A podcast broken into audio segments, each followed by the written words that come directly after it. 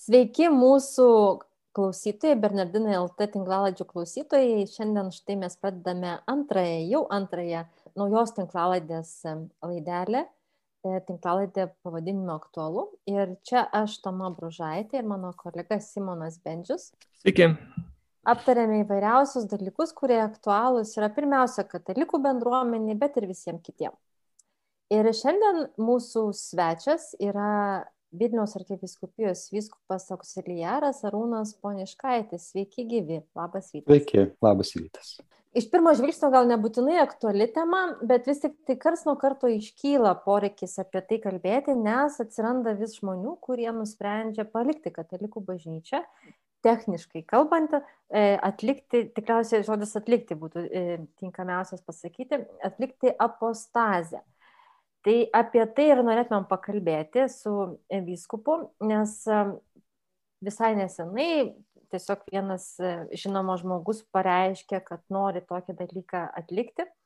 Ir tada pasigirsta keletą kitų e, balsų, kurie taip pat prisijungia prie šios, pavadinkime, akcijos. Ir tai jau ne pirmą kartą toks, tokios bangos atsitinka. Taigi mes pagalvom, kad ir man pačiai iš tiesų labai įdomu yra išsiaiškinti, kas tai yra ir pasvarstyti, kodėl žmonės vis tik tai nusprendžia tokį, tokį veiksmą atlikti, e, su kuo tai yra susiję ir kokios pasiekmės to e, ir tam pačiam žmogui, ir mūsų bendruomenė, nes vis tik tai, na, aš save laikau, kad mes visi laikome čia susitikę save katalikais, tai yra mūsų, na, bendruomenė ir, ir yra bendruomenės nariai, kurie nusprendžia šitą bendruomenę palikti. Taigi, tai šiandienos tema yra apostazija.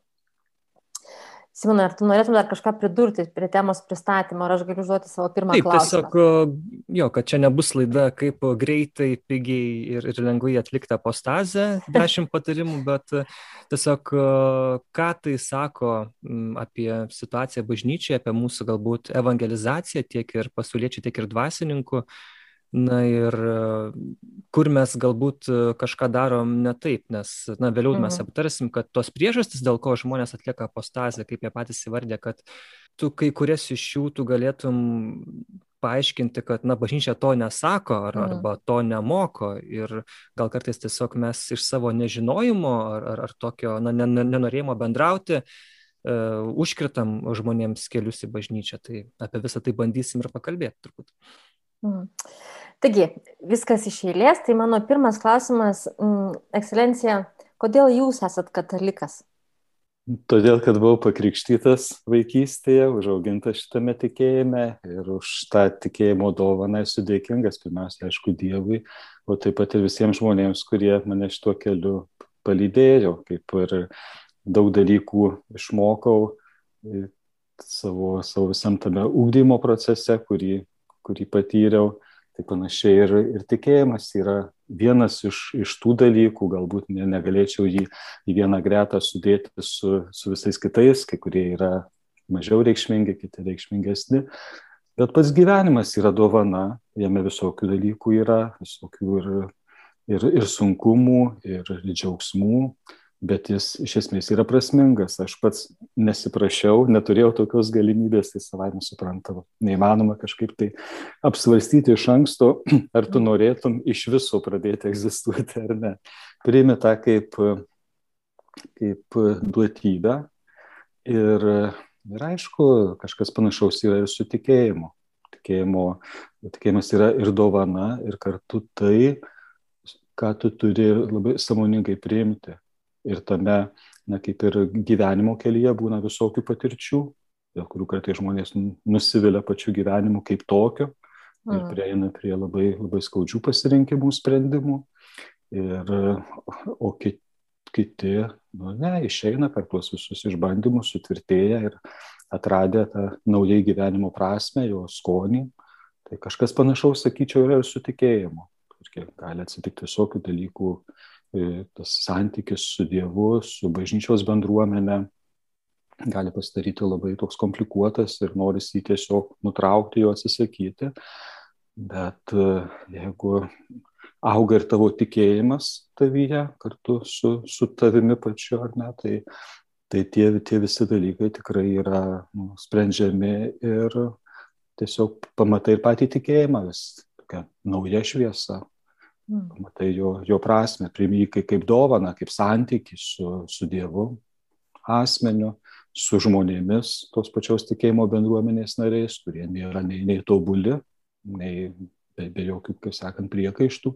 Ir pats nesi žmogus be, be dėmesio, bet va, toje netobulų žmonių bendruomeniai keliaujam į, į bendrą tikslą, kuris yra nu, nuostabus, kaip šventasis raštas gražiai sako. Esame Dievo vaikai ir esame panašus į Dievą. Ir mm. jame yra mūsų visų troškimų įsipildymas. Tai, tai va, tikintis esu todėl, kad nu, turėjau galimybę šitą visą dovaną gauti nuo, nuo pat savo kūdikystės, vaikystės. Tai čia taip, jeigu žmogiškai kalbant, iš tos žmogiškos perspektyvos, esu dėl to galima būtų, nežinau, dar teologiškai ar kažkaip kitaip. Ne, dabar nereikia gal. Jo, jūs tai. paminėjote, ekscelencija, tuos nusivylimus ir man įsiminė man to jakšto klieriko vienas pasakymas vienoje televizijos laidoje, kad kai tu atini bažnyčią, na, ta platesnėje prasme, kai tu įsitraukia jos gyvenimo, tu žmogau pasiruošk, kad tau teks nusivilti vienais ar kitais žmonėm, galbūt na, kažkokiais tai organizaciniais dalykais ir panašiai. Tai kaip jūs vis dėlto turbūt irgi tų nusivylimų turėjot, aš įsivaizduoju žmogiškai, ir kaip jūs vis dėlto, na, išlikot bažnyčiai, nepaisant jų? Aš galvoju panašiai kaip ir ne tik bažnyčios bendruomeniai, bet ir įvairiuose kitose gyvenimo aspektuose randi visko. Tai gali būti nusiteikęs iš tikrųjų susidurti su įvairiais ir nusivylimais, bet jeigu matysi vien tik tai juos, matysi vien tik tai problemas ir, ir tas problemas vėlgi kaip tu priimsi, kaip kažkokį iššūkį, kurį reikia spręsti, galbūt įveikti, padaryti kažką, kad būtų geriau ir tobuliau, kiek tai nuo tavęs priklauso, kiek tai yra įmanoma. Ar tu tiesiog priimsi kaip tokį, na, dalyką, kuris čia su manim tarsi niekaip nesusijęs, aš tuo esu nepatenkintas ir vienintelis dalykas, kurį aš darau, tai tiesiog na, savotiškai dėl to murmu, tik išreiškiu nepasitenkinimą, atsiriboju ir realiai nieko nedarau, kad būtų kitaip. Tai priklauso labai nuo, nuo nusiteikimo ir todėl aš nu, taip, stengiuosi galbūt tikrai nevaikščioti užsidėjus vien tik rožinius sakinius ir matyti vien tik tai, kas, kad viskas gerai ir viskas idealu, bet jeigu matai kažkokią konkrečią problemą, žiūri, kaip ją gali spręsti. Priimi kaip tam tikrą iššūkį, kuris skatina, skatina ieškoti sprendimų. Tai va. Bet mm. nusivylimas visada yra, aš manyčiau, čia kalbant apie gyvenimą bažnyčios bendruomenė ir bet kur kitur, na, toksai nusivylimas, rankų nuleidimas ar kažkoks grinai nu, protestas dėl protesto, mano supratimu, nėra geras sprendimas. Niekur neveda. Bet jūs sakėt, kad jūs tikėjimą gavot kaip dovaną, tarsi nenusprendėt pats ateiti. E, Simonas irgi cituodamas kleriką sako, jeigu jau ateini bažnyčią, pasiruoš, kad būsi nusivylęs, čia irgi taip suponuoja, kad tu, na, tarsi tu nusprendai ateiti bažnyčią, bet iš tikrųjų daug, daug mūsų buvo kažkada pakrikštyti, nenusprendė ateiti bažnyčią. Tiesiog jie užaugo be to sprendimo, tarsi ne tai, kad priversti, bet tiesiog taip susiklosti gyvenimo aplinkybės. Ir tarsi aš neprašiau, na, kitas žmogus gali sakyti, na, aš neprašiau tų tos situacijos, aš neįsiprašiau į bažnyčią, ar ne, kodėl aš dabar turiu doroti su tais nusivylimais ar su, to, su ta kitų kažkokia, na, e, nuodėminga ar klaidinga pozicija e, ir, nežinau, charakteriu galiausiai, ne, e, kodėl aš turėčiau su tuo tvarkytis. Tai gal tas noras išeiti iš bendruomenės galbūt ir kyla iš to tokio suvokimo, kad aš neprašiau, bet vis tik tai esu ten, kur dabar nelabai noriu būti. Ir man kyla klausimas, kas yra atsakingas e, už ir kaip čia mes galėtumėm tą na, padėti tiems žmonėms e, nepabėgti nuo tos situacijos. Arba e, kas atsakingas, kad vis tik tai e, galiausiai tikėjimas ar buvimas bažnyčioje išgyvenamas ne kaip dovana, bet kaip kažkoks, na, e, tarsi toks savotiškas kalėjimas, ar ne priverstinė, priverstinė tokia būsena, priverstinė jo buvimo vieta. Kas, kas už tai atsakingas? Aš lyginčiau visą šitą e, e, situaciją buvimo bažnyčioje, lyginčiau su buvimu šeimoje.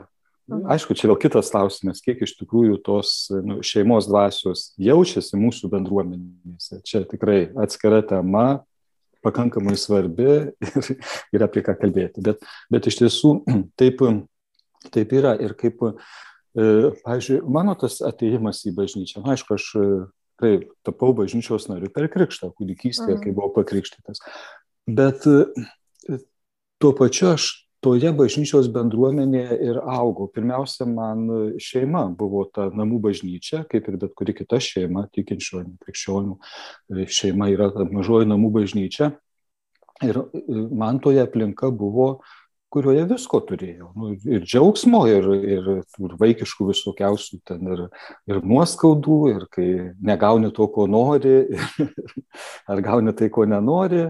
Ir, ir buvo visokie ir, ir būtiniai dalykai, susitvarky kambarius, viskas, kur reikia santykiai su broliu, su sesėm, augančiais kartu su tavim.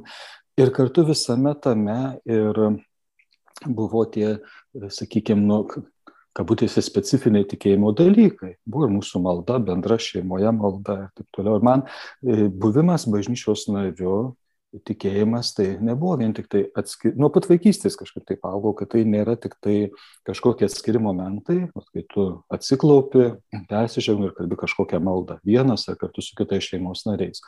Ne, tai, tai visas tavo visas tavo gyvenimas. Aišku, kaip vaikas taip taip ne, nemaščiau sudėtingai, ar ne, bet paskui augdamas, gilindamasis į tas tikėjimo tiesas, tu tiesiog supranti, kad tikėjimas yra apskritai visas tavo gyvenimo būdas. Mm. Pagal tavo gyvenimą santykė su Dievu, kuris reiškiasi ir per maldą, per liturgiją, bet taip pat ir per visą tavo ir pačią elementariausią kasdienybę. Viskas, ką tu darai, yra tavo kaip tikinčiojo, kaip bažnyčios narių gyvenimas. Net ir tada, kai tu visiškai nu, nekalbi tiesiogiai apie Dievą, ne apie e, kažkokius e, dvasinius, sakykime, dalykus. Bet tu, tu visada esi kaip, kaip krikščionis, kaip, kaip tikintis žmogus. Tai, tai va tas e, buvimas bažnyčioje panašiai kaip buvimas šeimoje, namuose. Mm. Tu, tu matai visko. Tu, ir, ir būtent šeimoje tu labiausiai pastebi, e, tu, tu geriausiai pažįsti šeimos narius. Tau gali atrodyti draugų šeima, kaimynai, ten viskas geriau, ten žolė žalesnė, ten mėgina ir taip toliau.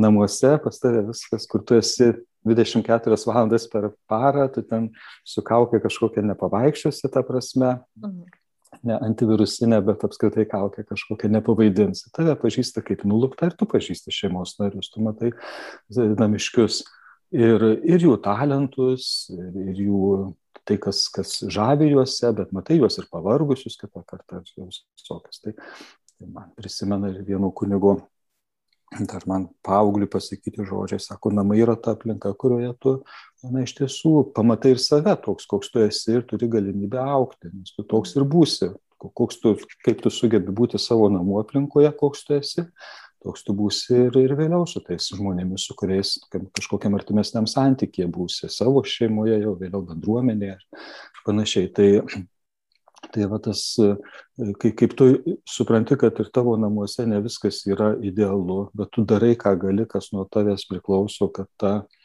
kad tie namai būtų nu, jaukesni. Mm. Tai panašiai ir bažnyčios bendruomeniai. Žinoma, yra kitas klausimas, kai žmogus ateina į bažnyčios bendruomenę jau būdamas nu, nekūdikis, ar ne? Jisai mm nutarė primti krikštą, būdamas jau samoningas, ar nepilnametis, ar, nu, kad ir nepilnametis, bet jau tikrai turintis tam tikrą samoningumą. Tada yra situacija truputėlį kitokia ir, ir tada iš tiesų gali atrodyti, kad va, aš čia iš, iš šalies prisijungiu, aš nepriklausiau šitai bendruomeniai, dabar aš į ją ateinu ir su ją susipažįstu. Nu, nėra to tokio, kaip sakyti, natūralaus prieaugimo nuo pat kūdikystės. Tada visai kiti yra ir, ir reikalavimai. Ir, ir bažnyčioje suaugusio krikštas, į jį yra einama per visą tą katechumenatų laikotarpį, kuris tęsiasi tikrai ne vieną dieną ir ne vieną savaitę, kai kuris gali porą metų trukti, ar gal net ir dar ilgiau, ar, ar truputį trumpesnį laiką, bet jis paprastai toks yra pakankamai ilgas laikas, ar ne, kad, kad žmogus e, susipažintų ir su tikėjimo tiesomis, su doktrina ir būtų įvestas, palydėtas į e, maldos gyvenimą, į liturgiją, bendruomenės tą visą šventimą ir kiek įmanoma taip pat į tuos bažnyčios bendruomenės narių santykius, nu, konkrečiai parapinė bendruomenė, kurioje tu nu, vat, pamatytum žmonės, kokie jie yra, pamatytum, kad tai nėra marsiečiai ar iš kažkokios kitos planetos atvykę kažkokie nuo gyvenimo atitrūkę. Yra žmonės e, nuoširdus, paprasti, nuostabus, talentingi ir kitokie. Nu, visokių yra žmonių. Nu, ta prasme, kaip, kaip bet kuria kita bendruomenė, bet, bet tu taip pat tada mokaisi suprasti, kad čia ateini ne, ne, ne į šiaip kokią nors, nu, į kokį nors būrelį, kurį palankysi kažkurį tai laiką, gausi mhm. kažkokį tai, kažkokią patirtį, įsilavinimą, tam tikrą pažymėjimą ir nusibos išeisi.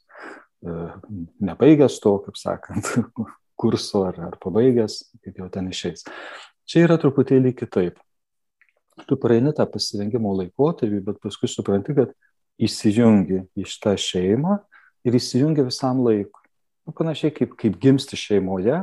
Mm. Aišku, gali išeiti iš savo namų, gali pareikšti, kad aš nieko bendro nenoriu turėti su savo tėvais. Nu, dėja, kaip tragiškos, tokios skaudžios labai patirtys, bet yra ir tokių dalykų, bet vis tiek, nu, tam tikrą prasme, tu pasilieka tas ryšys, kažkoks tai ryšys su, su, su ta šeima, iš kurios tu išėjai. Ir ypač jeigu, jeigu išeini tėvo, motinos širdis vis tik pergyvena dėl to išėjusio, e, sakykime, savo vaiko, sūnaus ar dukros myli, gali tas vaikas iš, išsiginti, išsižadėti, nenorėti, e, net prisiminti savo tėvų, bet kai prano ir per praną Izaiją turbūt viešpats, kad žinai, gali motina pamiršti savo kūdikį ir jos įžadėti, bet net jeigu ir motina mm. pasižadėtų, aš tavęs nepamiršiu. Ir bažnyčios bendruomenė mes tokie, kokie esam, kad ir riboti netobuli žmonės, bet mes esame suburti, čia vėlgi, ne popiežiaus sušaukti, ne vyskupo, ne klebono kaimo ar dar kažko tokio. Mes tikim, kad esam paties mus visus mylinčio Dievo sukviesti į šitą šeimą, kurioje e, atsirėmė į tą Dievo meilę, jo gailestingumą į tai, kad jis kiekvieną iš mūsų myli, nors mes ir esame nuodėmingi. Jis kviečia ir mus žiūrėti vieni kitus kaip į brolius ir seseris. Nors suprantama, kad tie santykiai tarp skirtingų bažnyčios narių tikrai nebus tarp visų vienodi ir idealūs.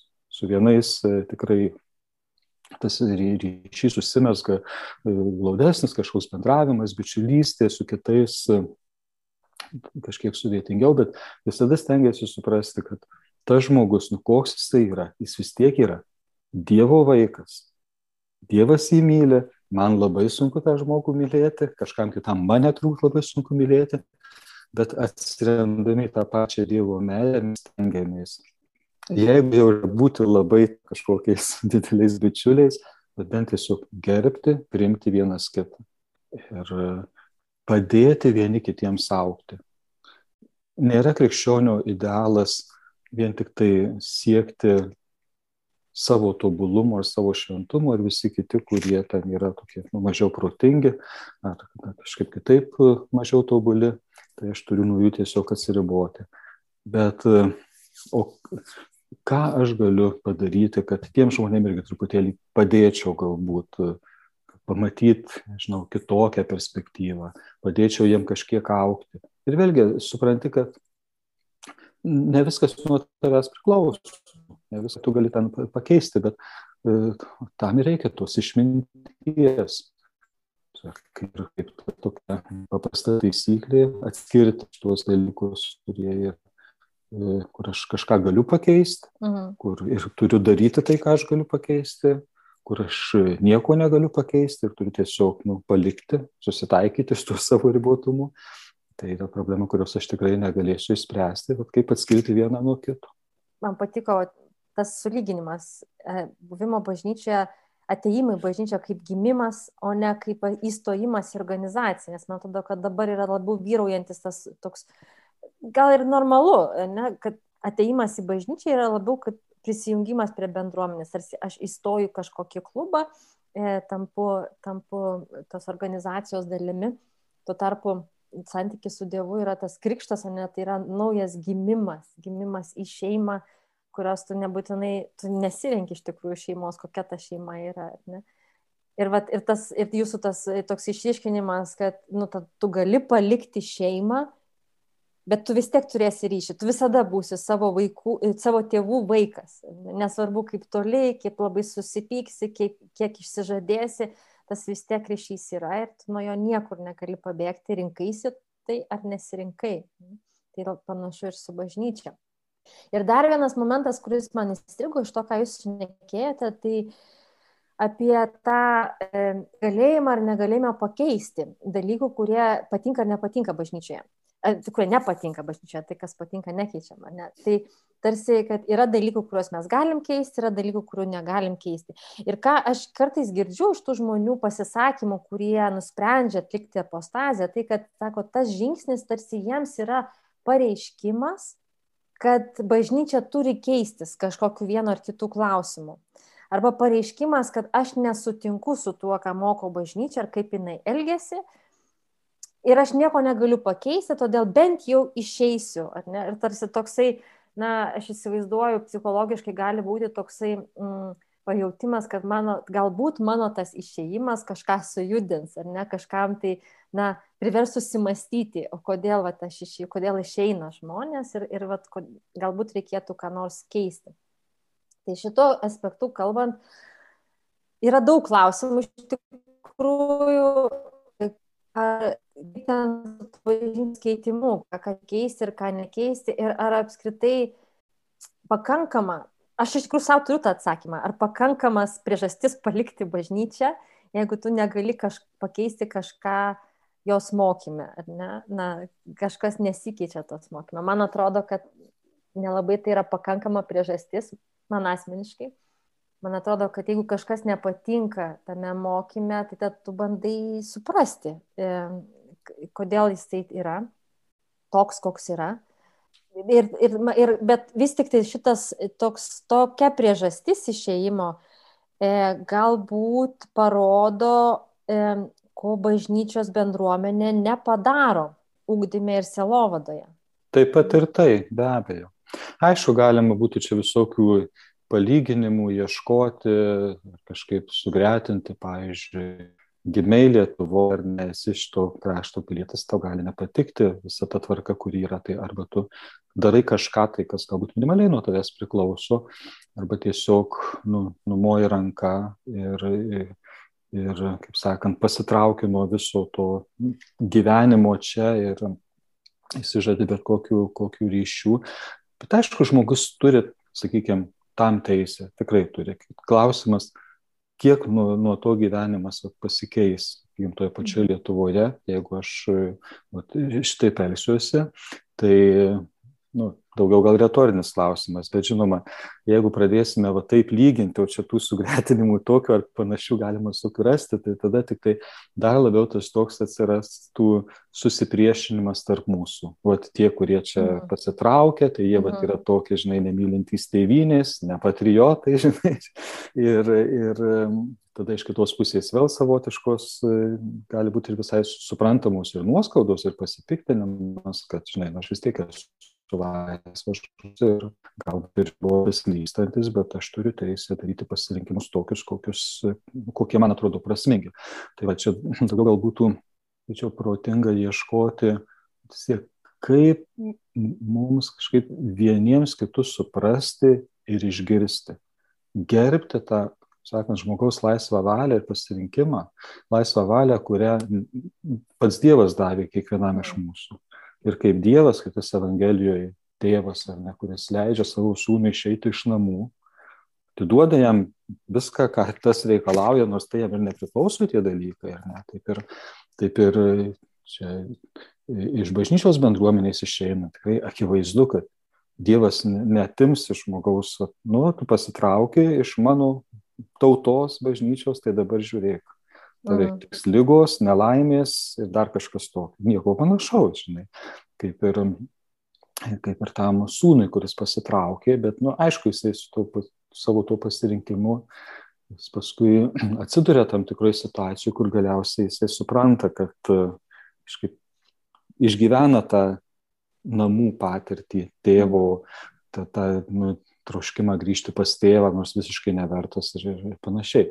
Ir tėvas jį priima su be mažiausio priekaišto, kad ką tu padarėjai, žinai, jis tiesiog, jam svarbiau už, e, už visą kitą, jam svarbiau yra tas žmogus, jo vaikas, jo sūnus. Ne tai, kad čia nuostolių pridarėjai, klausyk gėdą užtraukiai, čia, žinai, prisidirbai, tai dabar kentėk. Ne, tiesiog priima į namus. Tai va, kaip va, su tokiu požiūriu, kad mes galėtume vieni kitų žiūrėti, nu, bent aš pats savo sakau, mm. to, kaip, kaip man žvelgti į tą žmogų, kuris, kuris turi kažkokios tai nuoskaudos bažnyčios, pavyzdžiui, atžvilgiu ar ne, kuris netgi nori ir kažkaip formaliai pasitraukti, žiūrėti jį tikrai su pagarba ir susitikti su juo, nes tai tikrai nėra kažkoks, nu, va, formalus e, tik dokumento parašymas, nors aišku, tai irgi yra tam tikras nu, iš, išreiškimas savo valios. Tai, Jeigu galima tokius konkrečesnius tada klausimus apie būtent tą apostaciją, tai kad nepamirščiau, jūs paminėjote tą gailestingojo tėvo pavyzdį, ar ne, kai jis priima savo tą sūnų palaidūną, sakykime, tai ar galima atlikus apostazę paskui atgailaujant ir suprantant, kad, na, galbūt aš čia jau kitaip manau negu prieš kelis metus, arba man vėl atsivertimas įvyko ir, ir grįžti į bažnyčią oficialiai? Taip. Apostazija visiškas krikščioniško tikėjimo atmetimas, jeigu taip kalbant jau juridiniais terminais, formaliai pagal kodeksą, tiek, tiek ir yra įvardyjama, ne, kad visiškas krikščioniško tikėjimo atmetimas. Tai vat, ką, ką tas reiškia, mhm. e, visiškai atmesti krikščionišką tikėjimą, ar tai reiškia visai netikėti į Dievą, ar tai reiškia pereiti į, nu, tiesiog į kitą krikščionišką kažkokią, nu, atsiprašau, šiuo atveju visiškai nekrikščionišką kažkokią tai religinę bendruomenę. E, tai, nu, būtų, sakykime, toksai pasirinkimas, toksai žingsnis, E, bet šiuo atveju kalbam apie truputėlį, gal sakyčiau, kitokį dalyką, ta prasme, kad ta apostazija kartais būna suprantama tiesiog vieni toks kaip protesto balsas. Mm. Toks, e, vat, noriu tiesiog deklaruoti, pareikšti savo visišką nepritarimą, atsiribojimą bet kokį nuo šitos bendruomenės. Tai, tai va, e, šiaip jeigu žmogus, na, sakykime, yra katalikų bažnyčios narys, jisai įvairių dalykų padaro, nu, kurie netitinka nu, nei katalikų bažnyčios mokymo, ne, nei moralės, nusideda, gerai, eina su tuo sutaikymo keliu, stengiasi, kaip sakyti, atsiversti, keltis iš tų savo nuodėmių ir taip toliau. Kartais net tiesiog nelaiko to nuodėmę ir gyvena kaip visi formaliai yra katalikas nu, ir jis yra bažnyčios narys, nu, kaip tas šeimos narys, nors jis jam ta šeima ten, kaip sakyti, mažiausiai rūpės, ten gyvena savo gyvenimą kažkur pasitraukęs, bet jisai, žinai, per kalėdas, Velykas paskambina, mama, tėtė, labas, šventėm, viskas daugiau, žinai. Tai kartais tas santykis panašiai gali būti ir kai kurių tikinčiųjų, kai tai toks pats skambutis per Kalėdas, Velykas kažkokį formalumą atlieku, ateinu į bažnyčią, bet šiaip nei aš ten pažįstu tą bažnyčios mokymą, nei aš dalyvauju bendruomenės gyvenime ir taip toliau. Tai aišku, kad nu, tai nėra idealu, bet dėl to niekas nei ten kažkokių, e, nežinau, bausmių bažnytinių ar ekskomunikų kažko tai neskiria ir taip toliau, bet tik žmogus, jeigu paskui kažkaip įvyksta jo tam tikras nu, atsivertimas, atsigrėžimas toks į samoningesnį tikėjimą, jisai sugrįžta e, nu, per atgailos sakramentą ar ne, jis tiesiog e, vėl įsijungia į tą bažnyčios bendruomenę, nu, tai pilniau, sakykime, ar ne. Dabar jeigu yra daromas tas formalus toksai veiksmas, aš formaliai atsisakau krikščioniško tikėjimo, atsisakau bažnyčios bendruomenės, tokiu atveju žinoma, kad tas sugrįžimas tikrai yra įmanomas tikrai yra įmanomas. Tai, nu, kaip kartais sakau, durys sugrįžimui yra ten pat, kur, pro kurias išėjai per tas pačias mhm. sugrįžti. Tai taip kaip um, šitas veiksmas va toks formalus, tikrai atsi, atsižadėjimas krikščioniško tikėjimo, ar ne, apostazė, kaip jisai, jisai tikrai nėra toks, nu, kaip sakyt, mažareikšmis ar kažkoks smulkus, smulkus dalykas, menkos vertės, ar ne. Tai todėl norima, kad, kad žmogus tikrai tą samoningai atliktų, nu kaip norima iš tikrųjų tai nenorima, bet, e, bet jau jeigu, jeigu žmogus apsisprendžia, jeigu žmogus apsisprendžia, tai tikrai reikia tada, kad nu, e, būtų, nu, suprastume, kad jis tą tikrai daro samoningai. Ir tada reikia to susitikimo, gyvo susitikimo ir su, nu, pavadinkim taip, bažnyčios atstovu kažkokiu tai, nu, sakykime, kuris formaliai galėtų atstovauti bažnyčią tuo, tuo metu. Ir tai turėtų būti pokalbis, kuriame vėlgi aš sakau, labai nesinori žiūrėti tą kaip į gryną kažkokį formalumą, ne, kur atėjau, tiškiau pareiškimą, išeinu iš darbo ir, ir viskas, ir nenoriu nieko daugiau girdėti. Bet tai yra nu, kitas santykis. Ir turi būti tame susitikime, aš, aš tikrai nu, norėčiau pirmiausia žmogų išgirsti išklausyti. Ir todėl e, dabar, pažiūrėk, kai yra tas karantino metas ir, ir visokie tie apribojimai, e, aišku, kad mes daug dalykų atliekam nuotoliniu būdu kažkokį, bet tu gali juos įspręsti, tai labantama, kur tau reikia tiesiog kažką, bet, nu, grinai formaliai sutvarkyti, ne, kažko tokio. Bet čia kalbama apie vis tiek kitokį dalyką, apie kitokį santykį. Tai nėra tiesiog tu, tuščias kažkoks formalumas. Ne? Tai Ir man, pavyzdžiui, netgi e, tai, kad norėtųsi susitikti su žmogum, nu čia gal tokia atrodytų visiškai smulkmena, be kaukės, net ir be tos antivirusinės kaukės. Nes aš galvoju, mes, kai bendraujam, yra, e, kalbam ne tik žodžiais, ir mūsų neverbalinė kalba sako daugybę dalykų. Ir ta, ta kaukė šiuo atžvilgiu, kai klausimas yra toks jautrus, tikrai kažkiek tai apriboja mūsų tas komunikacijos galimybės, ne bendravimo galimybės. Todėl man norisi tiesiog, kad jau, jeigu reikia, tai susitikti su žmogum, taip kad galėtume taip pat akis į akį, veidas į veidą, gerai laikant atstumą, bet nu, jau kad ir be kaukių tiesiog susitikti ir pakalbėti. Ir pirmiausia, man norėtųsi išgirsti, išklausyti viską, ką žmogus nori pasakyti. Nes, ir išgirsti galbūt tai ne kažkokį dalykai truputėlį abstraktus, apskritai apie kažką, apie bažnyčią, apie ką, bet jo patirtas, kuris, kuris taip pats kažką galbūt yra tikrai susidūręs, kažko skaudaus, nukentėjęs, kur, kur man pirmiausia būtų, manyčiau, poreikis atsiprašyti už tai, nesvarbu, galbūt tiesiogiai nesu už tai aš kaltas ar ką, bet nu, tiesiog vos ne bažnyčios vardu pasakyti, kad atsiprašau, ar tas žmogus priims, nepriims tą, čia jau, jau kitas dalykas.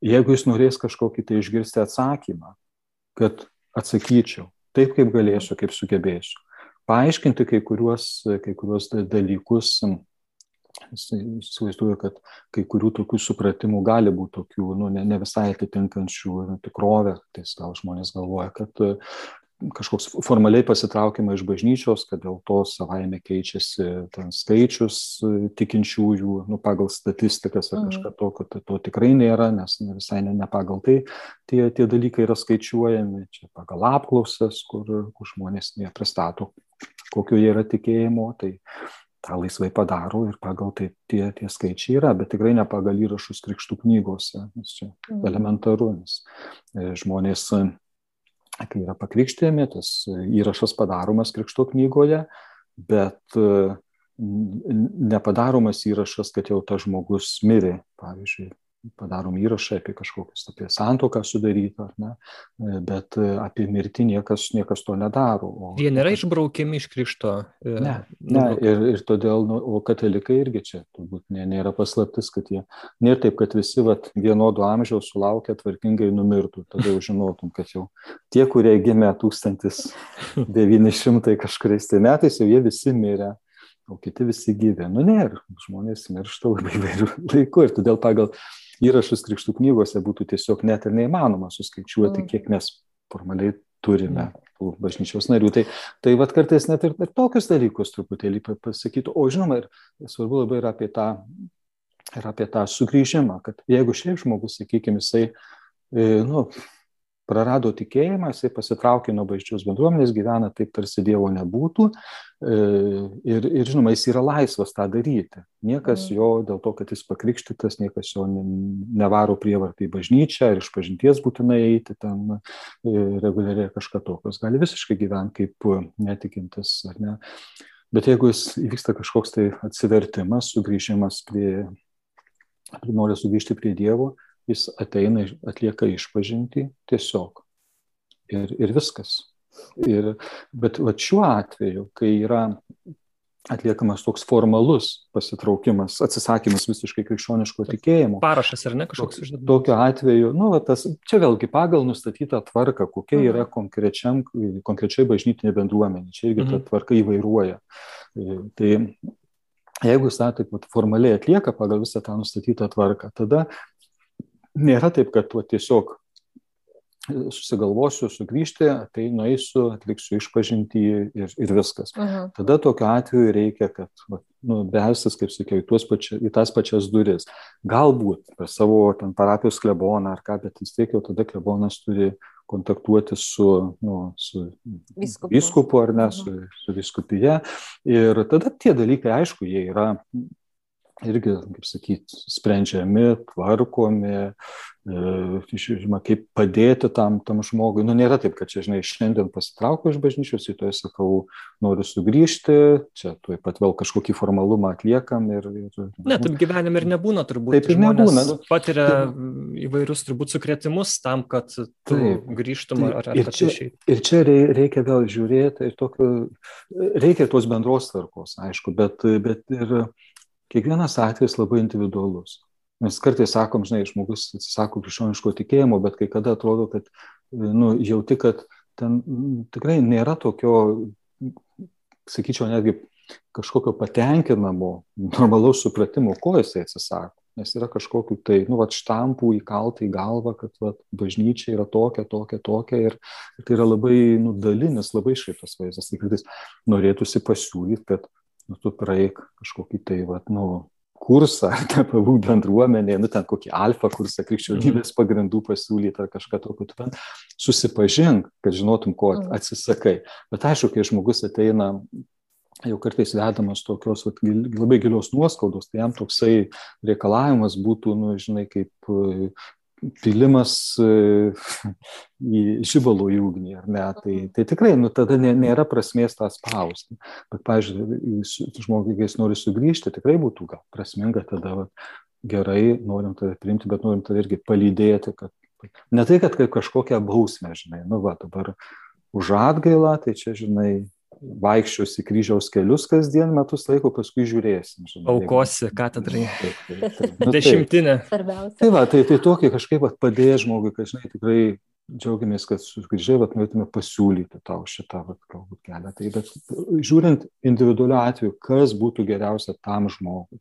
Bet pirmiausia, žinoma, nu, turi, turi džiaugtis tuo, tuo, kad žmogus grįžta, kad jis ieško santykių. Ar, Tai va, kituose, žinai, kaip minėjau, nu, kraštuose yra skirtinga tvarka, nu, pavyzdžiui, kur nors Vokietijoje, kur e, žmogus e, deklaruoja, kokie jis priklauso bendruomeniai, bažnytiniai, kokiam tikėjimui ir tada ten yra turbūt automatiškai kažkokia tai dalis mokesčių nuskaitoma nuo jo tai konkrečiai e, religiniai bendruomeniai. Tai ten dalis žmonių atlieka tą pasitraukimą, nu, tiesiog deklaravimą, kad jie nepriklauso kaip bažčios bendruomeniai, ir ne dėl to, kad e, nusitaupytų pinigėlių.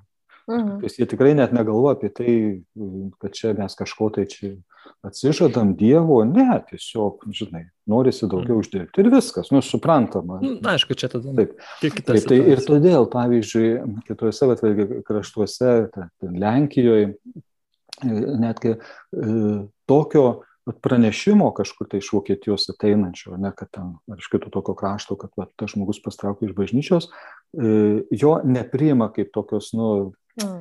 kaip kaip čia pasakyti. Įrodymo. Kaip jo, kaip, kaip įrodymo, kaip tokios uh -huh. tam tikros apostolės. Reikia, kad žmogus tikrai ateitų, jo, Lenkijoje prašo, kad ateitų su pageidautina, kad gal galėtų, jeigu tai yra įmanoma, aišku, ateiti su tėvais arba su krikštatėmis. Su tais, -huh. kurie jį kaip kūdikį, at, nu, kaip sakyti, pristatė, prašydami jo krikšto, įsipareigodami vesti jį tuo tikėjimo keliu ir supažindinti su tikėjimu. Tai, e, žinoma, šiaip pagal visą bažnyčios mintį, nu net ir negalima, išskyrus mirties pavojų, ne, negalima kūdikio krikštyti, jeigu bent vienas iš tėvų nesutinka. Tai prasme, ir ne tik, kad nesutinka, bet nėra kas įsipareigotų jį auginti, bažnyčios bendruomenė, auginti į tikėjimą. Ne? Tai, tai tokiu atveju taip negali būti, kad, žinai, močiutė e, pagrobė vaikelį nuo tėvų slapčia atnešė kunigui pakrikštyk, žinai. Tėvai nieko nežino, tėvai yra prieš, aš, kaip sakyti, irgi daugiau jo gal nebematysiu, žinai, čia dažnai, bet tu pakrikštyk. Tokiu atveju, nu, pagal visą bažnyčios tvarką negali būti krikštas teikiamas. Turi būti, bent vienas iš tėvų turi to nu, sutikti, prašyti krikšto ir įsipareigoti, arba pats tas tėvas, arba yra kažkas tada krikštatėvė ir kažkas tokio, kas padės tą vaiką auginti tikinčių. Tai yra būtina sąlyga, kad būtų suteikiamas krikštas. Tai, tai, va, tai... tai čia irgi taip atsiskleidžia tokia krikštatėvė ir tėvų ypatingai krikštatėjų toks rimtumas, to įsipareigojimo rimtumas, taip, taip. kad čia nėra tik tai šiaip tokia šventė, bet tai yra iš tiesų įsipareigojimas auginti žmogų bažnyčiai ne, ir, ir paskui prisimti atsakomybę už tai, ką tu padarai ir ko nepadarai. Taip. Taip. taip. Nu, tai yra tame logikos, tikrai aš, aš sutinku, kita vertus, nu, bent pas mus mes šitos praktikos, tokios, nu, taip griežtai netaikom, kartais, bet vis tiek tada norisi to gyvo susitikimo, -huh. gyvo, nes kai tu jau žmogų, kaip sakant, pažįsti, jis yra tavo draugas. Tai, žinai, tas susitikimas per e, nuotoliniu būdu, jisai irgi nu, yra prasmingas, visko neatstoja, bet viskas yra gerai.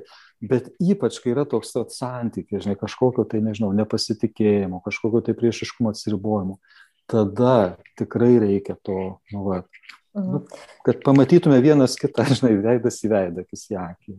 Pasikalbėtume tiesiog. Tai jeigu aš teisingai supratau, tokios formalios kažkokios tvarkos, kaip atlikti tą apostazę arba kas vyksta ten žingsnis po žingsnio, pavyzdžiui, kaip būna krikšto metu arba sa, kaip santokos sakramentas, tokio nėra apibriešto, ne? kas, kas kanoniškai turi būti, kad tas veiksmas būtų įvykęs.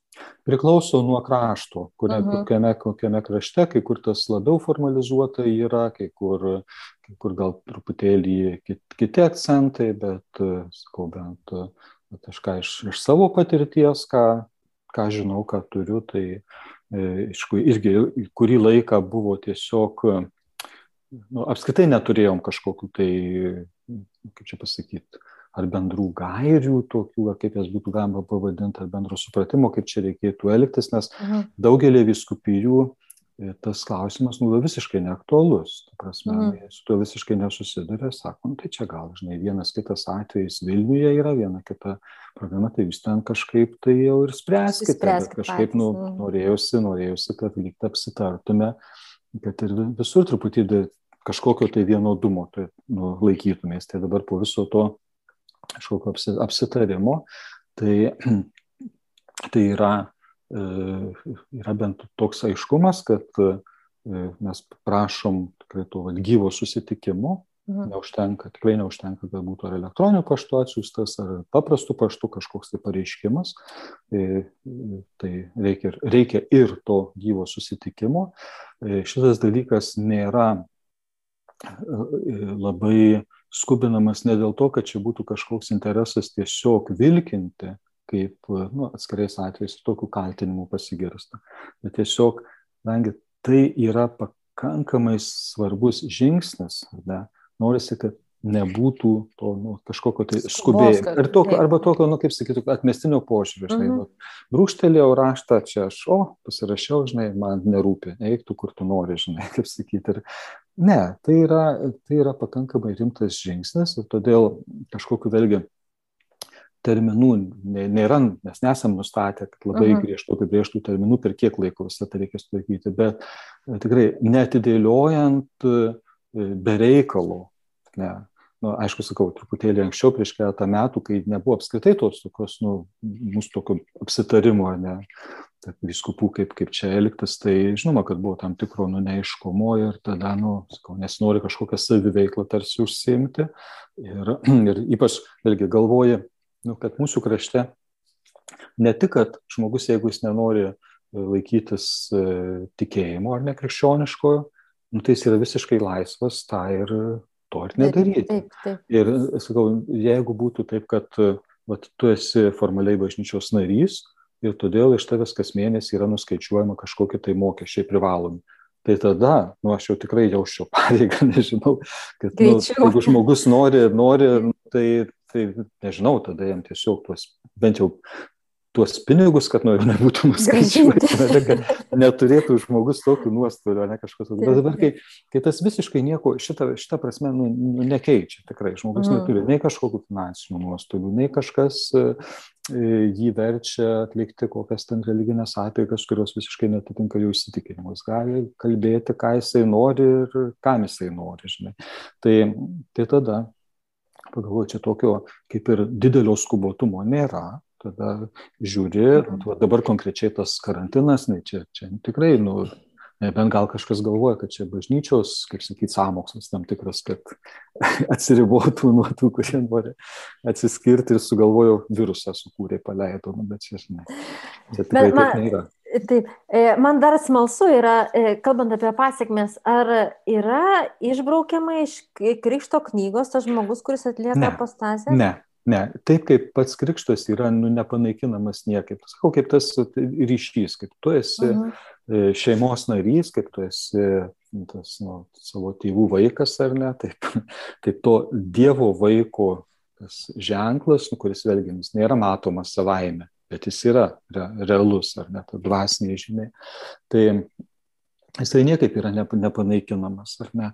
Ir įrašas Krikšto knygoje, kuris tiesiog yra įrašas apie, apie įvykusį faktą, Jis mhm. nėra nei išbraukiamas, nei kažkaip išplėšiamas, tai krikštų knyga yra konfidencialus dokumentas, kuris irgi nėra, kad kažkur e, kas nori skaito ir ten tyrinėja e, duomenis, kaip sakant, žmonių, kurie niekam ten nepriklauso kitiem ar ne, to, to nėra. Tai vienintelis dalykas, kuris yra e, jau po to tokio pokalbio, ne, tada per vyskupija yra informuojama Krikšto parapija, uh mhm. -huh. kad būtų padarytas įrašas Krikštų knygų apie tai, kad formaliu aktu pasitraukė iš katalikų bažnyčios tokią ir tokią dieną. Ir tada žmogus gali gauti vėlgi per kūriją, tada užsakom, kad atsiųstų išrašą iš, jo, uh mhm. -huh. iš, iš Krikštų knygos, tame išraše ir yra tai, kas toje knygoje parašyta.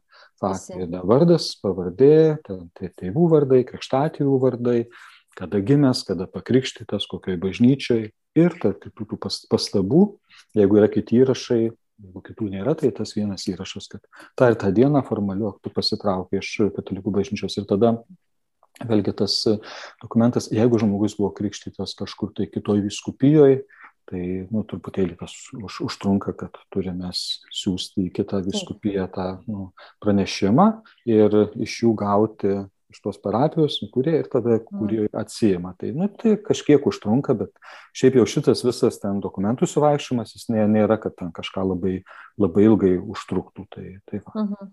Jūs įskupė kalbat, kiek žinom, iš savo patirties, nes jūs ir esate tas, kuris bent jau Vilniaus arkiviskupijoje priimat tuos žmonės, ar ne, kurie, kurie siekia tos apostazės. Šiek tiek tos patirties yra, bet, bet tokia, sakyčiau, nėra nei, nei, nei labai didelė, nei, kaip čia, kaip čia pasakius, prieš paskutinį kokią, kartą. Taip, prieš kokią dešimt metų buvo tokia, nu, vat, banga, bet vėl tie tokie nu, šiek tiek skirt, skirtingi dalykai.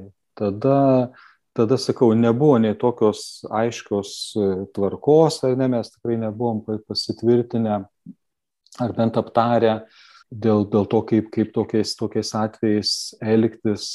Ir todėl buvau susidūręs su, čia pavadinant tam tikrom, daugiau protesto akcijom, kur, kur kai va, tai, tam bureliui žmonių kalbi, ten paaiškinimas maždaug, kad, kad va, ko, ko reikia, bent tokių elementarių dalykų, kad, žinai, pavyzdžiui, jeigu nu, to, to prašote, tai turit bent nurodyti, kur esat krikštyti, kurioje bažnyčioje, kada.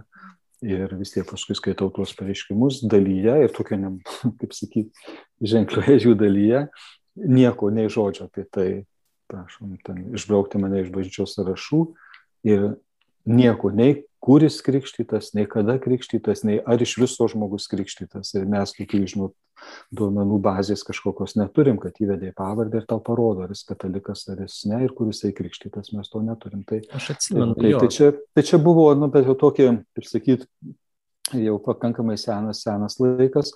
Dabar neturiu daugiau tos, tos patirties, dabar, e, e, nu, tokie tik tai vat, pavieniai atvejai, kurie, sakau, kiekvienas yra labai individualus ir labai skirtingas. Ir aš pats galvoju, kad per šitą laiką irgi šiek tiek nu, tokios patirties atsirado, tokio gal, nu, aš bent tikiuosi, kad šiek tiek gal geriau suprantu tuos žmonės. Turiu tokios vilties.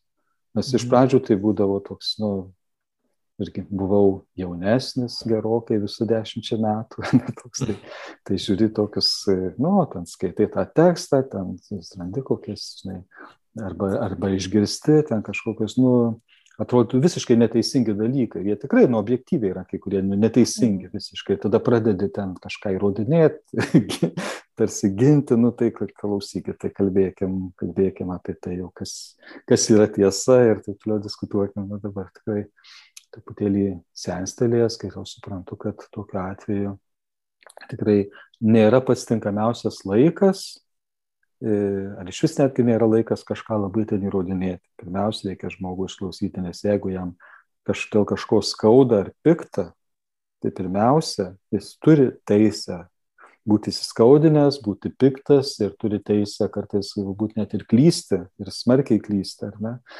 Bet tu turi priimti jį ir išklausyti tokį, koks jis yra tuo metu. Ir bent paliudyti tą, kad, nu, jis tau yra ne, ne šiaip kažkoks nu, vat, narys organizacijos, kuris čia kažko tai nežinia, ko nori. Pirmiausia, tai yra žmogus, kuris, kaip ten bebūtų, bet turėtų mokytis jį gerbti, primti į tokį, koks jis yra. Išklausyti ir kokie, kokios paskui ten tos bus rezultatai to kiekvieno pokalbio, jie gali būti tikrai labai skirtingi, bet jeigu žmogus e, tikrai nori kažkokį tai nu, vat, išreiškia pageidavimą, pagal galimybės aš jį galiu patenkinti. Negaliu galbūt viską padaryti taip, kaip tas žmogus reikalauja, bet, bet tiek, kiek galiu, dėl to form, įrašo, formalų pasitraukimą iš bažnyčios įrašo į krikštų knygą ir kad jis gautų krikšto išrašą, tikrai tas yra, tas yra galima padaryti ir, ir jeigu žmogus galiausiai vis tiek to pageidauja, tikrai aš nesu tas, kuris kažkokiu būdu Mm, sulaikyčiau, sustabdyčiau, kažkaip dirbtinai daryčiau tam didelės kliūtis. Ar nėra taip, kad e, viskupai šiuo atveju tam tikrą prasme jie turi mm, semti tai, ką, ką priverda, nežinau, mes, eiliniai tikintieji, tikybos mokytojai, katechetai ir panašiai, nes Na, galim pacituoti tiesiog iš kelių tinklalapių, tai Nara LT, yra tekstas, kodėl aš palikau bažnyčią ir čia fotografė Monika pasakoja irgi apie tai, kad netliko apostazę ir, ir tos priežastis, kodėl ji tą padarė, tai pirmas buvo, kad bažnyčios keliamas neapykantos kurstimas, kuris reiškia per kitų visuomenės grupių stigmatizavimą, sergantis AIDS, pamininės, pasak e, fotografės Monikos, bažnyčia lytiniu būdu plintančias ligas iškart priskiria paleistuvautojams. Taip pat e, dalis dvasininkų vis dar vadina iškrypeliais homoseksualius žmonės, na, celibatas čia kitas atvejis. Taip pat, e, pavyzdžiui, kita yra LRT jau laida spalvos ir LRT LT portalas parašęs e, tekstą vienuolėmis siekusios tapti merginos papasakojo, kas privertė suabejoti bažnyčios autoritetu. Tai čia randam irgi tokių įdomių dalykų, kad viena Saulė, moteris, jinai pradėjo bijoti bažnyčią kaip moraliniu autoritetu, kai susidomėjo veganizmu ir gyvūnų teisėmis. Ir cituoju, galvodavau, kad katalikų bendruomenė turėtų būti geresni, doresni, šviesesni žmonės, kai sužinojau apie žiaurų elgesį su gyvūnais, kuris vyksta pramoninėje gyvulininkystėje ir kad katalikų bažnyčia to nelaiko nuodėme, man tada pradėjo kilti abejonių dėl autoriteto. Kitas dalykas, Senajame testamente yra instrukcijos, kaip savo dukrą atiduoti į vergyją. Kuo toliau, tuo labiau pradėjau pastebėti tuos dalykus kad ir su Jėva už pirmykštį nuodėmę moteriai buvo bausmė gimdymo skausmai. Na tada jau kalba apie kryžiaus karus ir panašiai. O kita moteris taip pat na, susipažino su LGBT poromis ir pamatė, kaip bažnyčia juos diskriminuoja ir galbūt juos ten vadina vėl visai kaip. Ir palaipsniui, palaipsniui daug tų priežasčių susidėjo, kad tos bažnyčios būtų atsisakyta. Tai ir čia man iš karto toksai vat, klausimas, na, nu mes galim taip aišku taip sakytum taip šaltai vat objektyviai matyti kad nu klausykit merginos nu jūs tikrai didele dalimi neteisios bažnyčia to nesako ar ne apie tą patį žiaurų elgesį su gyvūnais mes katekizmą galim uh, atsiversti ir štai yra 2418 ar ne tas krisnelis kad reikalo gyvūnus kankinti arba atimti jiems gyvybę nesuderinama su žmogaus kilnumu. Ir panašiai ir panašiai. Ir su tuo pačiu mokslu pavyzdžiui na aš atsimenu kai viena mano pažįstama uh, mes kalbėjom šiek tiek apie, apie tikėjimą ir sako, nu, Simonai, tu neįsižeisk, aš dabar tavęs kai ko paklausiu, žinai, bet neįsižeisk, nu, gerai, gal kas, mhm. kas čia bus, žinai, dabar jau. Sako, o, o kaip tu, vad, primė evoliucijos teoriją, žinai? Uh, tada man taip pat lėgu galvojau, čia, žinai, jau kaž, kažko čia baisaus klaus. Nu ir tada vat, ir nustemba kiti žmonės, kai pasakai, kad nu, bažnyčia, katalikų, jie na, neprieštarauja tai evoliucijos teorija ir kad mokslas apskritai tai yra Dievo dovana ir kad kiek daug mokslininkų buvo ir tikinčių, ir įvairių religijų išpažinėjų ir panašiai. Tai ką aš iš linko aš vedu, kad atrodo, kad mes turim daug visokiausių baubų apie bažnyčią, daug visokiausių tokių stereotipų, aišku, kylančių iš tokios, ne tiek iš to, ką tu randi bažnyčios mokyme, kuris yra šią prasme objektivus, bet iš to, kaip tie žmonės, katalikai, nesilaiko bažnyčios mokymo ir iškreipia tikėjimą, ar žinodami, ar tiesiog tvirtindami ir specialiai kažkaip jį ten kenkdami kitiems. Tai Uh, ką tai sako iš tikrųjų tada tokie apostazės atvejai, tokie protestai ar, ar ne protestai apie tą situaciją su mūsų evangelizacija, su mūsų pačių suvokimu, kuo mes tikime? Aš tikrai nesakyčiau, kad e, čia reikia semti košę, kurią priverda kažkas kitas. Aš galvoju, tai yra bendras mūsų visų reikalas. Vyriausia, ta pati evangelizacija, tikėjimo skleidimas ir jos skelbimas tikrai ne vien tik tai teisingomis galbūt deklaracijomis, bet ypač gyvenimo liudijimu. Ypač e, gebėjimu pirmiausia pačiam gyventi pagal Evangeliją, nu, gebėjimų, pastangomis, sakyčiau, mm. net tuo. Ir, ir ko yra labai, svarbus, labai svarbi dalis, būtent nu, tas didysis meilės įsakymas, kaip nu, tiesiog pagrindinis Dievo meilės ir artimo meilės. Ir meilės ne tik tai tuos, kurie yra savi, kurie yra bendraminčiai, bet mylėti mylėti taip pat ir tuos, kurie yra kito tikėjimo ar ne, kitokių pažiūrų įsitikinimų, taip kaip Dievas juos myli, kuris leidžia Saulį tekėti ir teisiesiems ir nusidėlėms. Tai, tai prisimenant taip pat ir savo nuodėmės, ir savo nuodėmingumą, tada kažkaip yra sunkiau lipti ant kažkokios tai, kažkokio tai teisumo bokšto ir iš viršaus žiūrėti kitus nusidėlius, nes tu prisimeni taip pat ir savo ribotumą. Ne, nebūtinai, kad tos pačios ar tokios pačios nuodėmės, bet kai kada tas toks teisuoliškumas, toks negebėjimas išgirsti kitą, negebėjimas jį priimti, suprasti, irgi nu, tikrai nemenka širdies kietumą, kai kada. Ne? Tai, tai čia mes visi, visi esam su tuo kažkaip susiję. Tai todėl e, aš galvoju, ar, nu, kadangi pats kaip žmogus irgi esi ribotas ir kiti kunigai, taip pat ir mokytojai tikybos, nors jie daug pastangų įdeda ir, tikrai, ir, kaip, ir kaip ir kiti mokytojai ir, ir pavargsta ir kartais galbūt ir ne visi ten veiksmai ar žodžiai pasakyti būna kažkaip geriausiai pasiekia tuos mokinius ar ką. Tai čia tobulumo tikrai mes to neturim, bet aišku, tas kalba apie tai, kad tai, tai yra ženklas mums visiems, kad yra ką veikti ir kaip, kaip kalbėti su kitu žmogumi, su jaunai žmonėm, kad jie tikrai išgirstų ir kad nu, neišeitų su tokiais kartais labai klaidingais įsivaizdavimais apie tai, ką iš tikrųjų sako bažnyčia ir ko jinai nesako.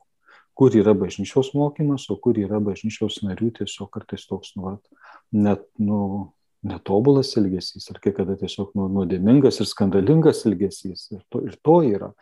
Tai žinoma, dar prisideda ir tokie dalykai, kad vėl nesam kažkur tiesiog prieš baltą popieriaus lapą, kuriame ramiai labai galime tiesiog sudėlioti visus punktus, viską aiškiai parašyti. Gyvenimas nu, nėra kaip tos baltas lapas, susiduri su visokiom nuostatom ir yra e, ir tokių, kur, kur ir nu, tikrai tokių ir, sakykime, labai priešiškų ir, ir ten geros valios nebūtinai išvelgsi tikinčių žmonių atžvilgiu ar ne, ar tos pačios bažnyčios bendruomenės atžvilgiu, kur e, kažkaip iškreiptai vaizdą pristatys, išdidins e, dėmes ir ignoruos e, gerus dalykus ir panašiai. Visko to, to yra. Tokia, nu, ta gyvenimo dinamika, tokia, kaip sakyt, kaip, kartais kaip audringa jūra, bet, žinai, ją plauki ir pasitikė, kad toje valtelėje, kurioje esam, kad ir tų visų vėjų blaškom ir Jėzus yra su mumis ir nereikia mums kažkaip labai baimingai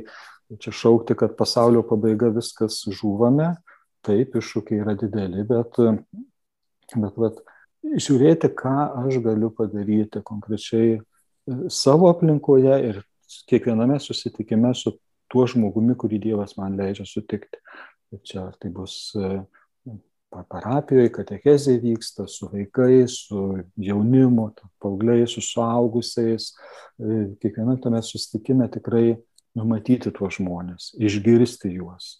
Ir, ir man kaip vyskupui, jeigu reikia susitikti su e, kokiu žmogumi, tai vėlgi nu, jį priimti ir išgirsti. Tikrai ne visada galiu padaryti viską, kaip žmogus įsivaizduoja, kad aš galėčiau padaryti. Tikrai yra dalykų, kur aš tikrai irgi negaliu išspręsti, nesu, nesu visagalis ir lieka kartais tokio neiškumo ir situacijos tokios būna nepakankamai aiškios ir, ir, ir tada tai, tai apsunkina kažkokius, kažkokius sprendimų padarimą, bet, bet, bet šiaip iš, iš principo, nu, apie ką sakyčiau, kad bažnyčios bendruomenė, vėl grįžtų prie tos minties, yra kaip šeima, kurioje man negali nerūpėti kitas, bet aš negaliu juo rūpintis taip, kaip nu, kažkoks valdingas, labai kažkoks autoritarinis, nežinau, tėvas ar motina, kuris tiesiog laiko po padu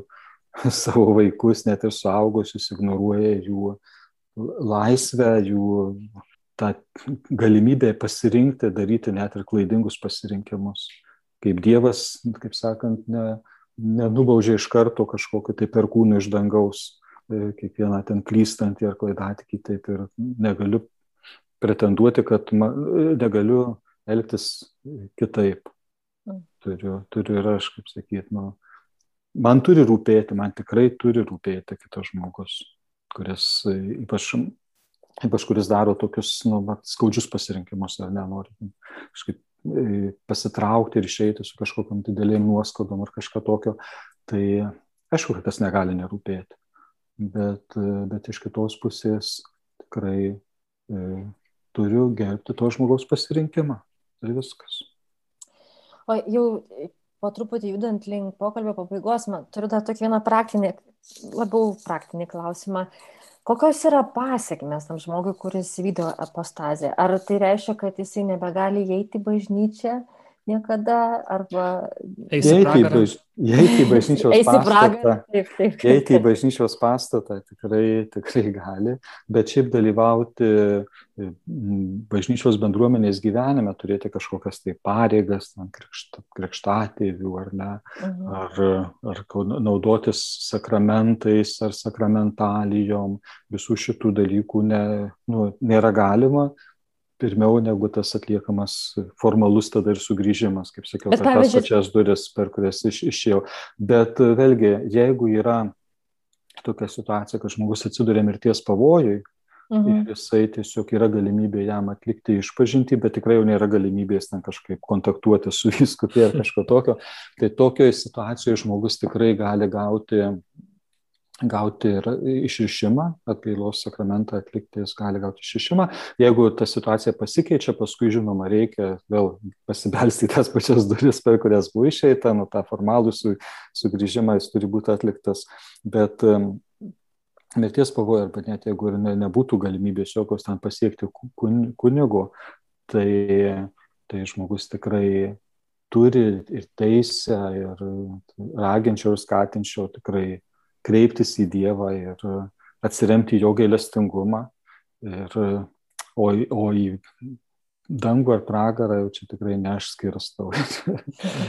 o pavyzdžiui, pavyzdžiui, na, yra žmogus, kuris vat, atlikęs apostazę šeimoje ir vyksta kažkokios laidotuvės ir visa šeima eina į, į mišes, sakykime, į bažnyčią, ar tas žmogus gali dalyvauti, na, būti tose mišiuose, nepriimant sakramento, bet ar gali būti tiesiog? Ne, tai bažnyčia nėra uždaroma, kad uh, kažkokius ten dokumentus turėtum parodyti krikšto pažymėjimą galiojančių, kad tave įleistų į bažnyčią bažnyčia to tikrai nėra ir nebus, bet, bet vėlgi, sakykime, kai kuriuos, kai kuriuos dalykus tas formalus pasitraukimas iš bažnyčios nėra taip, vėlgi, kaip žmogui ant kaktos nebūna parašyta, kad jisai yra katalikas, mhm. taip ir nėra ant kaktos parašyta, kad jis pasitraukė formaliokti iš bažnyčios. Ir, pavyzdžiui, e, kartais toks jeigu argumentas, kad aš nenoriu, kad mane laidotų ten su kažkokiam bažnytiniam mhm. apigom, tai žinai, jeigu jeigu artimieji to, ne, kaip sakyti, nežinos ar ignoruos, tai, tai tada, nu, tai jo, jie, kaip sakyti, yra tas pavojus, kad gali pamatyti bažnyčią, taip kabutėse. Tai dėl tokio atveju jau pats žmogus tada jau ten jau kažkaip tegul gal sprendžia, jau ten artimiesiams savo sako apie tuos pasirinkimus, kokie nebūtų jiems skaudus tiem artimiesiams, bet, žinai, jau jis pats tada vertina ir, ir, ir, ir tiek. Bet tai va, tai... Kit, kit, kita vertus, tai aišku gerai, kad bažnyčia yra neuždaroma, nes tada kur kitur tas žmogus, jisai dar gali tą Dievą, na, išgirsti, tarkim, galbūt jis išgirs per tas pačias laidotės kokį nors kunigo pamokslą, kurį pakeis jo gyvenimą, pakeis jo mąstymą, arba įvyks tam tikra patirtis, kad ir kažkokia, nežinau, gal užės noras melstis, taiga, ne iš jo, ne iš to, ir, ir, ir visa kita. Taip, žinai, iš to atveju, aišku, kur žmogus ir kaip jis patirs tą Dievo prisilietimą, tai jau vėlgi negali žinoti. Irgi ne, nebūtinai, kad įėjus į bažnyčios pastatą, tikrai nebūtinai. Nu, kaip nu, apaštlas Paulius prieš tai dar, kaip, kaip buvo Saulis, nu, nuo arklio nu, nukrito, mhm. ne bažnyčioje ir įvyko tas jo atsivertimas va, va, tokiu būdu. Tai, tai kaip ten bebūtų, kaip ten bebūtų, kad kada tas žmogus iš, išgirs kažkokį tai nežinau, paskatinimą to, to Dievo, kuris nepaliauja žmogaus mylėti ir visą laiką jo ieško, net ir tada, kai žmogus nusigrėžia. Tai kai tik tai žmogus atsilieps, tai nu, Dievas jo laukia ir bažčios bendruomenė taip pat. Ir norisi, kad, kad žmogus žinotų, kad jis, jis yra laukiamas sugrįžtant visada, bet tai nereiškia, kad kažkas na, jį persekios ir kiekviename žingsnėje ten jam kals į galvą, kad sugrįžk nusidėlį. Čia turbūt labai svarbu, na, artimiesiams galbūt girdėti tų žmonių, kurie postazį yra padarę, kad, na, jie aišku jaudinasi dėl, dėl savo vaikų ar dėl, dėl vyros, vyro, dėl žmonos, kad kas dabar bus čia su juo ar ne. Tai, na, tokia vis tiek pasitikėjimas Dievo veikimu čia vis tiek turi būti pirmoje vietoje. Taip, taip. Na ką, man atrodo, čia yra tokia, toks geras momentas e, pabaigti pokalbį apie apostaziją. Iš tiesų labai plati ir sudėtinga tema. Ir man atrodo, kas man sudaro įspūdis, kad tokių aiškių linijų ir čia netgi nėra. Ne? Galbūt taip yra parašas kažkoks formalus, aiškus pareiškimas, bet kaip tai veikia, kaip bendruomenė žiūri, kaip, kaip vyksta tas išėjimas ar grįžimas, na vėl nėra aiškių taisyklių, yra tik tai santykis, iš tikrųjų, žmogaus santykis su bažnyčia, žmogaus santykis su Dievu, ko, ko nesudėsi į kažkokius didelius formalumus ir ko neapibrieši kažkokiam taisyklėm. Tai va aš tą tokią žinią išsinešu iš šito pokalbio. Simonai, ką tu išsineši? Aš gal tokį išsinešu supratimą, kad na, nėra viskas gyvenime taip formalu ir taip labai biurokratiška, kad mm. jeigu žmogus yra piktas ar protestuoja, vis tiek giliai viduje slypi kažkokias tai na, problemos, kažkoks skausmas, dėl kurio galbūt ir pats esi atsakingas ir dėl to tu turi, vat, kaip ir minėjo viskupas, visą laiką išklausyti tą, tą kitą pusę ir, ir tiesiog kada daryti tam tikras išvadas. Ir pirmiausia, turbūt apie save. Ir aš tik prisimenu mm. dar vieną, šiaip tokį istorinį smagų momentą, man pasakojo vienuolis šito Jurgio Matulaičio dabar įsteigtos, kaip vadinasi ta kongregacija, pamiršau. Marijonai. Vargdienių seserys. Taip, vargdienių seserys. Ir sesuo Viktorija Plečkaitytė paminėjo, kad kai na, buvo tarpukariu ir e, kai Vatikanas e, Vilniaus arkiviskupija priskyrė Lenkijai, nes na, Lenkai tuo metu buvo okupavę kraštą, tai Lietuvos vyriausybė baisiai supyko ant šventojo sostų ir jie tiesiog netgi buvo ant ribos apostazės valstybės visų lygmenių atsiskirti nuo, nuo bažnyčios ir įkurti, įkurti savo tautinę bažnyčią. Tai visą laimę, kad arkivyskupas Jurgis Matulaitis kaip e, apaštalinis vizitatorius e, atvyko į Kauną ir ten sugebėjo savo pastangų diplomatinių ir viso ko dėka nu, padaryti taip, kad liktų katalikų bažnyčios sudėtyje Lietuva visa. Tai čia irgi tokių nukrypimas istorinis. Tai ačiū labai už nukrypimą, Simonai, ačiū, kad padėjai susitvarkyti su šią uh, tinklalaidę aktualu, su šią laidą apie apostazę. Ir primenu, kad šią ir kitas tinklalaidės galite išgirsti visose platformose, kuris klausotės tinklalaidžių. Ir um, taip pat, dar Simonai, ką aš turiu dar priminti, prieš pabaigiant visai laidą? Nu, galima paremti Bernardinus visada. A, taip, taip, visada galima paremti, visada galima skaityti. Ženkliukus galima... pirkti. Vat. Taip, mes turime naują būdą paremti, taip yra Bernardinė LT ženkliukai, kurių tiražas yra labai ribotas, tad nusipirkę jį jūs ne tik paremsite, bet ir turėsite labai gražų aksesuarą. Labai stilingą raudoną žuvytę. Taip, žuvytė tai yra ichtus, ichtusa, kuris simbolizuoja būtent krikščionybę. Viskupė, ar turite šitą žuvytę? Nu, dar neturiu. tai mes... bent, jau, bent jau raudonos tai tikrai neturiu. Gerai, mes e, tikradės galiai mes įdėsime linką, kur galima visą informaciją apie tai, kaip įsigyti žuvytę rasti. Taigi, Gerai. ir būtinai Ačiū. užėkite į Bernardinį LT puslapį, tenai skaitykite ir žiūrėkite, turime ir video, ir audio reportažų, ir daugybę tekstų, kurie iš tikrųjų padės pažinti ir bažnyčią, ir visuomenę, ir tą krikščionišką pasaulyje žiūrą. Ir būkite su mumis savo komentaruose, rašykite mums laiškus, kad mes žinotumėm, kaip jūs gyvenate ir kas jums yra svarbu ir ką būtų galima išgirsti kitose tinklaladėse aktualu. Ir ačiū labai, e, viskupė, e, ačiū labai, kad sutikote pasikalbėti ir, ir pasidalinti savo patirtim. E, man kažkaip, lab, mes kai rinkomės pašnekovą su Simonu, tai man pirmas žmogus atėjo į galvą, tai jūs, nes jūs kažkaip susi, būtent labai akcentuojat visada tą susitikimą su žmogum. Ir man atrodo, čia šitoj temoje labai yra tai svarbu - girdėti žmogų ir, ir įklausytis ir, ir kalbėtis. Tai labai labai ačiū už tai, ką jūs darote ir už tai, kad jūs sutikote su mumis apie tai pasikalbėti. Taigi, ačiū buvo, Jums. Čia buvo aš Tama Bružaitė ir Simonas Bendžius ir vyskupas auxiliaras Vilniaus arkiviskupijos Arūnas Paniškaitis. Su Dievu. Sudė. Iki.